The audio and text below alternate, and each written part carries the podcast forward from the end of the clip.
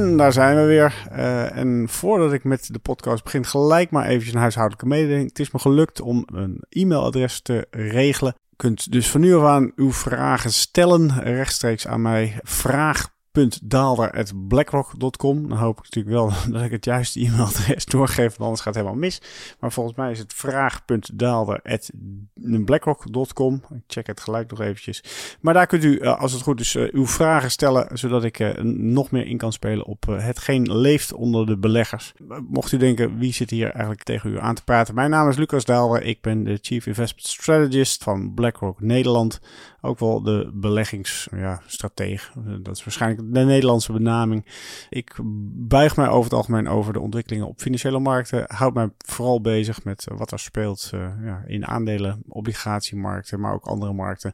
Uh, economie, soms ook geopolitiek, afhankelijk van wat er natuurlijk specifiek van belang is deze week. Nog een tweede huishoudelijke mededeling. Ik ben zelf een fervent luisteraar van vele podcasts. Ik weet dat de beste methode om een podcast te hebben, is dat je altijd een vast item hebt waar mensen naar uitkijken. Voor mij was het ook altijd een beetje zoeken, wat is dat dan, uh, het vaste item? Moet ik het gaan hebben over mijn boeken? Uh, moet ik het hebben over de podcast die ik luister? Die ik overigens wel met enige regelmaat zelf hier terug laat komen. Of moet ik het gaan hebben over welke film dan wel serie ik gekeken heb? Want dat schijnt ook absoluut een hot thing te zijn als je een podcast hebt. Nou, dat zou allemaal kunnen. Ik heb het tot nu toe naast me laten liggen. Misschien komt dat nog. Mijn rubriek die ik bedacht heb is een, een volledig andere, namelijk waar hebben we het nou eigenlijk niet over in financiële markten. Dus aan het einde van elke podcast hoop ik een item te vinden van waar we het niet over hebben, waar we het misschien wel met z'n allen over zouden moeten hebben. Nou, dat is gelijk een teaser. Hou vol tot het einde en dan krijgt u te horen waarvan ik vind dat er veel te weinig over gesproken wordt, of wat in elk geval interessant is, waarvan je kan afvragen of we daar niet iets wat meer aandacht aan zouden moeten besteden. Tot zover de huishoudelijke mededelingen en daarmee komen we aan het begin van de podcast. En de vraag die ik in deze podcast centraal stel is: wat kunnen we nou precies doen met inflatie? Het zal geen verrassing zijn. Inflatie is uh, duidelijk een hot item. Uh, in alle gesprekken die ik met klanten voer, komt het zeker terug. Uh, wat zijn de consequenties? Hoe kan je hier als belegger tegen wapenen? Het eerlijke antwoord is niet goed. In die zin, er zijn uiteraard producten die een perfecte hedge opleveren tegen inflatie. Maar uh, daar zitten de nodige haken en ogen aan vast. en dan kom je al snel op alternatieven die op zich historisch gezien een redelijke koppeling met inflatie lijken te hebben gehad. Maar of dat in de toekomst nog steeds het geval zal zijn, moet je natuurlijk maar afwachten. laat ik eerst eens beginnen met de producten die een perfecte hedge opleveren. Dan moet je bijvoorbeeld denken aan inflatieswaps of inflatielinkers, obligaties die inderdaad een directe uh, vergoeding geven voor het inflatie wat uh, gelopen wordt of wat gedurende de looptijd wordt opgebouwd. Nou, uh, het grote nadeel daarvan is enerzijds dat wij die in Nederland eigenlijk niet hebben. We hebben geen Nederlandse inflatielinkbonds, dus je moet al snel uitwijken naar andere landen, denk aan Duitsland. maar de echte liquide markten zijn vaak ook de markten waar je van afvraagt of je daar ook inderdaad wel echt actief wil zijn. Denk bijvoorbeeld aan Italië of Spanje, of uh, ik zeg Spanje, ik bedoel Frankrijk, Italië en Frankrijk. Uh, beide hebben een uh, liquide inflatie-obligatiemarkt. maar ja, het probleem daarvan is dat je natuurlijk ook een soort kredietrisico aan boord neemt. Wil je op dit moment ja, exposure op de Italiaanse staat? Dat is natuurlijk altijd een, een, een, een moeilijke vraag. los daarvan zijn die inflatieniveaus waar je daarnaar kijkt, zijn niet de Nederlandse inflatie CPI. En dat is nou juist wat op dit moment heel erg sterk speelt. Eh, de Nederlandse CPI wijkt behoorlijk af van de inflatie die je elders in Europa ziet. Eh, CPI staat trouwens voor Consumer Price Index. Maar goed, de Nederlandse inflatie, gegeven het mandje en gegeven de samenstelling van ons consumptiepatroon, wijkt danig af van wat je elders in Europa ziet. Met als gevolg dat de Nederlandse inflatie ook hoog is. Dus zelfs als je een Italiaanse of een uh, Franse inflatielinker had gehad, ja, dan word je niet goed gecompenseerd voor het inflatierisico. In het geval van Frankrijk is dat heel duidelijk. Onze inflatie is heel hoog omdat uh, we een vrij grote exposure hebben, of een vrij grote directe exposure hebben op uh, de, bijvoorbeeld de Europese gasprijzen. Nou, uh, als je kijkt naar de Franse consumptie, daar zit veel meer gewicht richting de kernenergie. Nou, die prijzen zijn nauwelijks omhoog gegaan, met als gevolg dat de inflatie in Frankrijk op dit moment ook veel lager ligt dan Europa. Dus had je inflatiebeschermer gekocht via de Franse weg, dan zal je zien dat je daar zeker geen perfecte match hebt met de onderliggende inflatie die je in Nederland uh, ja, voor de kiezer krijgt. Tweede nadeel is dat uh, ja, het is leuk om inflatieprotectie te kopen. Maar dit is een typisch gevalletje van dit moet je doen op het moment dat niemand het erover heeft. Of ook wel het traditionele, je moet je dak repareren als de zon schijnt. Twee jaar geleden eh, had niemand het over inflatie. Of lagen de, eh, de inflatiecontracten er heel wat gunstiger bij dan wat je nu ziet. Uh, als je nu uh, bijvoorbeeld naar uh, de inflatielinkers kijkt, dan zie je dat er ja, behoorlijk wat inflatieverwachting al is ingeprijsd. Nemen we bijvoorbeeld de, de tweejarige break-even, zoals dat heet, voor Duitsland. Dan staat er op dit moment een, een verwachte inflatie waar je op kan handelen van 5,6% op de borden. Nou, dat betekent dus, als belegger spring je er pas positief uit als die inflatie nog eens hoger is dan die 5,6 procent. En als die lager is, nou ja, dan is dat eigenlijk een verzekeringspremie die je betaald hebt, die zichzelf niet uitkeert. Ja, 5,6 procent. Ik, ik heb me daar natuurlijk niet volledig in verdiept. Dit is in elk geval wat de, de markt zegt. Het zou hoger kunnen zijn, het zou lager kunnen zijn. Ik kan prima scenario's bedenken waarbij het uh, nog steeds een zeer rendabel uh, product is. Uh, maar er zijn net zo goed scenario's denkbaar waarbij dat absoluut niet meer het geval is. Ook als je de langere looptijd neemt, dus bijvoorbeeld de 10-jarige, niet de 2-jarige, maar de 10-jarige break-even, dan staat daar ook voor Duitsland op dit moment al 2,9% op de borden. Nou ja, als je dat dan zeg maar relateert aan de, de, de doelstelling van de ECB van rond de 2%, dan zegt de markt op dit moment heel duidelijk van nou, die ECB die gaat zijn doelstelling niet halen. Hierbij moet je wel bedenken dat eh, dit uh, contracten zijn die vanaf nu ingaan en naar de gemiddelde inflatie voor de komende 10 jaar in dit geval kijken.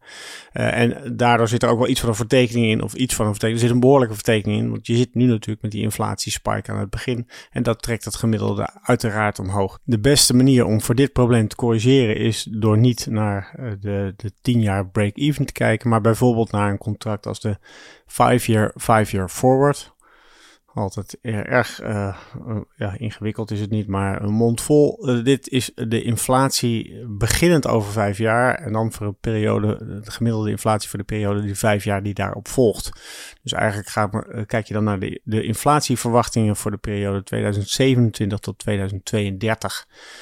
Het voordeel daarvan is dat je niet last hebt van die spike aan het begin. Dus die vertekening door die hoge inflatiecijfers die we op dit moment voor onze kiezen krijgen. En dus dat je eigenlijk kan spreken van uh, min of meer een soort van evenwichtsniveau. Hoe kijkt de markt nou eigenlijk aan naar de structurele uh, niveaus waartegen inflatie verhandeld zou moeten worden? Nou, ook daar zie je dat we niet meer op de niveaus zitten die we eerder dit jaar nog zagen. Inmiddels staat die, de, de 5-year 5-year forward voor Duitsland staat op 2 2,3% Dus ook daar zie je dat de markt inmiddels aangeeft dat de ECB over een periode van vijf jaar naar alle waarschijnlijkheid haar doelstelling niet gaat halen. Dit staat echt in schril contrast met de, de situatie van, nou laten we zeggen, voor februari, dus zeg maar voordat de oorlog in Oekraïne begon. Uh, toen zag je dat die vijf jaar, vijf jaar voor het eigenlijk vrij structureel onder de 2% lag. tikte soms wel eens een keer de 2% aan, maar dan zag je ook gelijk wel weer dat het niveau terugdaalde tot 2,8 uh, sorry, 1,8 of zelfs lager. Je kan je dak dus nog steeds repareren. Het is alleen wel zo dat er al wat regen valt. En of die 2,3% natuurlijk opweegt tegen de risico's, de, de, echte risico's, ja, dat, dat is aan, aan de, belegger zelf te bepalen. Is dit nog de moeite waard of niet? Ja, dat hangt volledig af van de visie die je er zelf op nahoudt voor de wereld over vijf jaar. Overigens BlackRock is eigenlijk altijd wel aan de waarschuwende kant geweest. We hebben eigenlijk vrij consequent gezegd, uh, nou de afgelopen twee jaar zou ik wel willen zeggen, uh, dat inflatie een risico is. En zelfs bij zo'n 2,3 procent uh, ja, zitten wij nog steeds wel aan de kant dat we zeggen, het is nog wel de moeite waard. Maar de marge is natuurlijk wel een stuk kleiner geworden. En hierbij moet je uiteraard in gedachten houden dat wij ook niet de waarheid in pacht hebben. ook, wij kunnen het natuurlijk volledig mis hebben van hoe wij tegen de wereld aankijken. En de risico's rond toekomstige zijn natuurlijk uh, aanzienlijk. Dus binnen ons centrale scenario gaan we ervan uit dat je wel met een hogere inflatie zou kunnen rekenen. Ga je echter kijken naar de risico's rond dat niveau, ja, dan zijn er natuurlijk altijd scenario's denkbaar waarbij je toch wel weer bij een veel lagere inflatie uitkomt. Dus dat is ook een risico wat je mee moet nemen uh, als je aan dit soort producten denkt. Nou, dak dus niet gerepareerd, maar het regent. Wat kan je dan wel doen? Nou, dan zijn er een aantal alternatieven die geen van alle perfecte bescherming bieden. Ik loop ze even met u langs. Uh, de, degene die vaak genoemd wordt is goud. Goud schijnt waardevast te zijn. dan krijg je altijd van die fantastische verhalen dat in, in Romeinse tijden een brood ongeveer even duur was als het nu is als je het rekent in goud. Nou, zal vast. Uh, ik heb daar niet zo heel veel boodschap aan. Het zegt natuurlijk weinig over de golven die je tussentijds uh, voor je kiezen krijgt. Het is absoluut niet zo dat één brood altijd één, ja, ik weet niet hoeveel gram goud het dan is, maar dat zal natuurlijk geen vaste waarde zijn. Er zit behoorlijke bewegingsmarges zitten daaromheen. Dus dat is een leuk verhaal of als je echt ultra lang belegger bent, maar ja, niet echt heel erg relevant als je het hebt over een periode van, laten we zeggen, vijf jaar. Goud is tot op zekere hoogte een speculatieve beleggingscategorie. Er ligt geen uh, dividend aan ten grondslag, geen rentevergoeding. de waardeontwikkeling hangt volledig af van wat men over nou een bepaalde periode in de toekomst bereid is uh, alsnog voor dat goud te betalen. En dat betekent per saldo dat er hele grote bewegelijkheid in, in de onderliggende waarde van goud kan plaatsvinden. Dat die bewegelijkheid toevallig hetzelfde patroon zou vertonen als Nederlandse inflatie is natuurlijk zeer onwaarschijnlijk. Tweede categorie die vaak genoemd wordt uh, is bijvoorbeeld de, de huizenmarkt of de kantorenmarkt. Waarbij het achterliggende idee is dat de huren die betaald worden over het algemeen wel een zekere koppeling kennen met inflatie. Nou, dat klopt. Uh, zeker als je op lange termijn kijkt. Dus daar valt weinig tegen in te brengen. Het enige probleem is dat ja, de waarde van de panden die je zou kopen, of de huizen die je dan in dit geval eh, waar je in, zou beleggen, daar zit natuurlijk de onzekerheid. Je ziet op dit moment dat die kapitaalmarktrente hard aan het oplopen is. Dat betekent bijvoorbeeld dat financieringskosten oplopen, de hypotheekmarktrente ook erg aan het stijgen is. Ja, en dan zie je al snel dat de waarde van het huis of het kantoorpand wat je gekocht hebt, ja, dat is niet waardevast. In die zin, die kan wel degelijk in, in waarde dalen. Weliswaar krijg je dan compensatie voor het feit dat je huren op een goed moment mee gaan lopen met die inflatie. Maar dat hoeft niet te betekenen dat het rendement, het totale rendement wat je op die belegging doet, in elk geval op korte termijn, hoeft dat niet tot positieve resultaten te leiden waarschijnlijk de makkelijkste methode om je toch tot op zekere hoogte in te dekken tegen inflatierisico uh, zijn vervolgens aandelen. Uh, met name aandelen uh, van bedrijven die ja, toch een zekere mate van pricing power hebben. Die de hogere kosten die zij voor hun kiezer krijgen ook door weten te berekenen aan hun eindklanten. Uh, winsten en omzetten worden over het algemeen in nominale termen uitgedrukt. Uh, dus uh, op het moment dat inflatie in een economie omhoog gaat, zal je ook zien dat de winst- en omzetontwikkeling van bedrijven min of meer gelijke tred zullen laten zien telt natuurlijk zeker niet voor alle bedrijven. Hangt volledig af van uh, waar de inflatie is en in welke bedrijfssector je zit.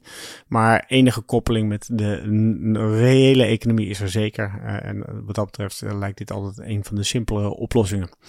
Zeker geen perfecte uh, match. Wat ik eerder aangaf voor bijvoorbeeld de huizenmarkt. Uh, ook hier ligt duidelijk een koppeling met de kapitaalmarktrente. Stijgt de kapitaalmarktrente te ver door, dan gaat het op een gegeven moment ook wel degelijk pijn doen in aandelen. Dus dat risico loop je hier ook wel degelijk. Maar goed, als je inflatie ziet als een vorm van belasting, uh, zal het ook gelijk duidelijk zijn dat het onmogelijk is om uh, volledig aan die belasting te ontkomen. Uh, dus ook aandelen, absoluut geen perfecte hedge. Maar zeker op de langere termijn krijg je wel enige compensatie voor de inflatierisico's die je neemt. Waarmee ik overigens op een interessante draai kom, want nu ik de term belasting heb gebruikt, uh, ja, dan roept dat natuurlijk wel een beetje de vraag op wie int die belasting dan en wie heeft hier dan wel profijt van? Want dat is inderdaad wel zo. Uh, er zijn wel degelijk partijen die baat hebben bij inflatie of die er voordeel van hebben. Baat is misschien een groot woord, maar voordeel. En dat zijn natuurlijk de mensen die schulden hebben uitstaan, of bedrijven of overheden die schuld hebben uitstaan. Op dit moment vindt er gewoon een, stevige herverdeling plaats van mensen die vermogen hebben en dat uh, op een of andere manier beleggen, het zij in staatsobligaties of aandelen, naar personen die juist schulden hebben. want die schulden die worden op een hoog tempo op dit moment weggeïnfleerd. En misschien is dat dan ook wel de oplossing van het inflatieprobleem. Geef een obligatie uit met een niet al te lange looptijd, betaal daar een niet al te hoge rente over en hoop dan vervolgens dat die inflatie blijft oplopen, zodat de schuld per saldo wordt weggeïnfleerd. Nou, het is een uh, interessant idee. Het probleem is alleen, wat doe je vervolgens met het geld wat je met die obligatie hebt binnengehaald? Dat moet je weer gaan beleggen. En dan kan je weer teruggaan naar het begin van deze podcast van waar kan je nou je geld beleggen in periodes van inflatie. Kom ik bij mijn nieuwe rubriek. Uh, wat gebeurt er in markten waar we het eigenlijk veel te weinig over hebben? Nou, waarschijnlijk uh, heb ik een veel te grote boek aangetrokken door de rubriek dusdanig te noemen. Het was meer eigenlijk een soort van observatie waarvan ik dacht, hé, hey, dit is toch wel erg opmerkelijk. Uh, maar goed, dat is het voordeel van een teaser. Een teaser is bedoeld om mensen tot het einde toe in het programma te trekken. Dat is in elk geval gelukt. Of uh, de rubriek voor de rest een succes is, weet ik niet. Uh, waar ging het maar eigenlijk om? Uh, ik zat laatst naar een conversatie te luisteren over uiteraard aandelenmarkten. Wat zijn nou eigenlijk de markten die het op dit moment het beste doen? En ik weet uit ervaring, of althans, ik zie de staatjes vaak genoeg langskomen, dat emerging markets het eigenlijk heel zwaar hebben. Uh, met dank vooral aan China zou ik daarbij willen zeggen. Maar het is in elk geval een, een beleggingscategorie die het heel slecht doet in relatieve termen. Er zijn er altijd uitzonderingen. Uh, dat zal je in dit geval natuurlijk ook hebben. En dat was eigenlijk de observatie waarvan ik dacht, huh, dat is toch wel heel erg vreemd. Want hoe ziet de top 3 van best presterende regionale beurzen er op dit moment uit? En ik kijk daarbij heel specifiek naar returns in dollars. Uh, wat zijn nou eigenlijk de landen die in dollartermen, dus teruggerekend naar dollars, welke landen doen het op dit moment het best dit jaar? Nou, uh, moet ik je eigenlijk een soort van drumroll laten horen. Of eigenlijk zou ik het de vraag van de week moeten noemen. Misschien is dat nog beter. Dan krijgen we een soort van tractie waarop mensen ook nog eens een keertje kunnen reageren. Doe dat vooral bij vraag.daalder.blackrock.com. Nou, de beste drie presterende markten uh, in aandelen dit jaar, als ik naar de MSCI kijk, zijn uh, Brazilië, Colombia en Chili. Dat zijn de nummers 1, 2 en 3. Wat voor rendementen moet je dan denken? Dat is 40%, uh, 39% en 33% year to date. En dat alles dus in dollars. Dus het is niet in lokale valuta waarvan je denkt van dat is niks meer waard. Nee, dit is gewoon in harde uh, greenbacks. Wil je de rij nog verder horen, dan is Peru nummer 4, Argentinië nummer 5. Ik denk dat we daarmee de trend ook wel te pakken hebben. Althans, uh, de grootste gemene deler is hier wel duidelijk. Het gaat niet over een, landje hier en een landje daar. Het is heel duidelijk één regio, Zuid-Amerika, die het opmerkelijk goed doet in aandelenland dit jaar. Nou, misschien is dat dan uh, een tip voor uh, wat verder onderzoek. Misschien is het ook wel een onderwerp uh, voor de volgende keer. dat laat ik bij deze even in het midden hangen. Hiermee kom ik weer op het einde van mijn podcast. hartstikke bedankt voor het luisteren. Oh ja, eh, wederom, uh, abonneer je. Uh, dat werkt altijd in mijn voordeel. bovendien werkt het ook in uw voordeel, want u krijgt elke keer de podcast op het moment dat die klaar is. En dat is woensdagochtend altijd. Maar abonneer je of vertel het vooral ook aan vrienden, kennissen en andere mensen die een warm hart toedraagt. En denkt, die vinden het vast leuk om naar die daalder die hardop denkt te luisteren. als u dat zou willen doen, graag. En eveneens graag tot een volgende keer. Alvast bedankt.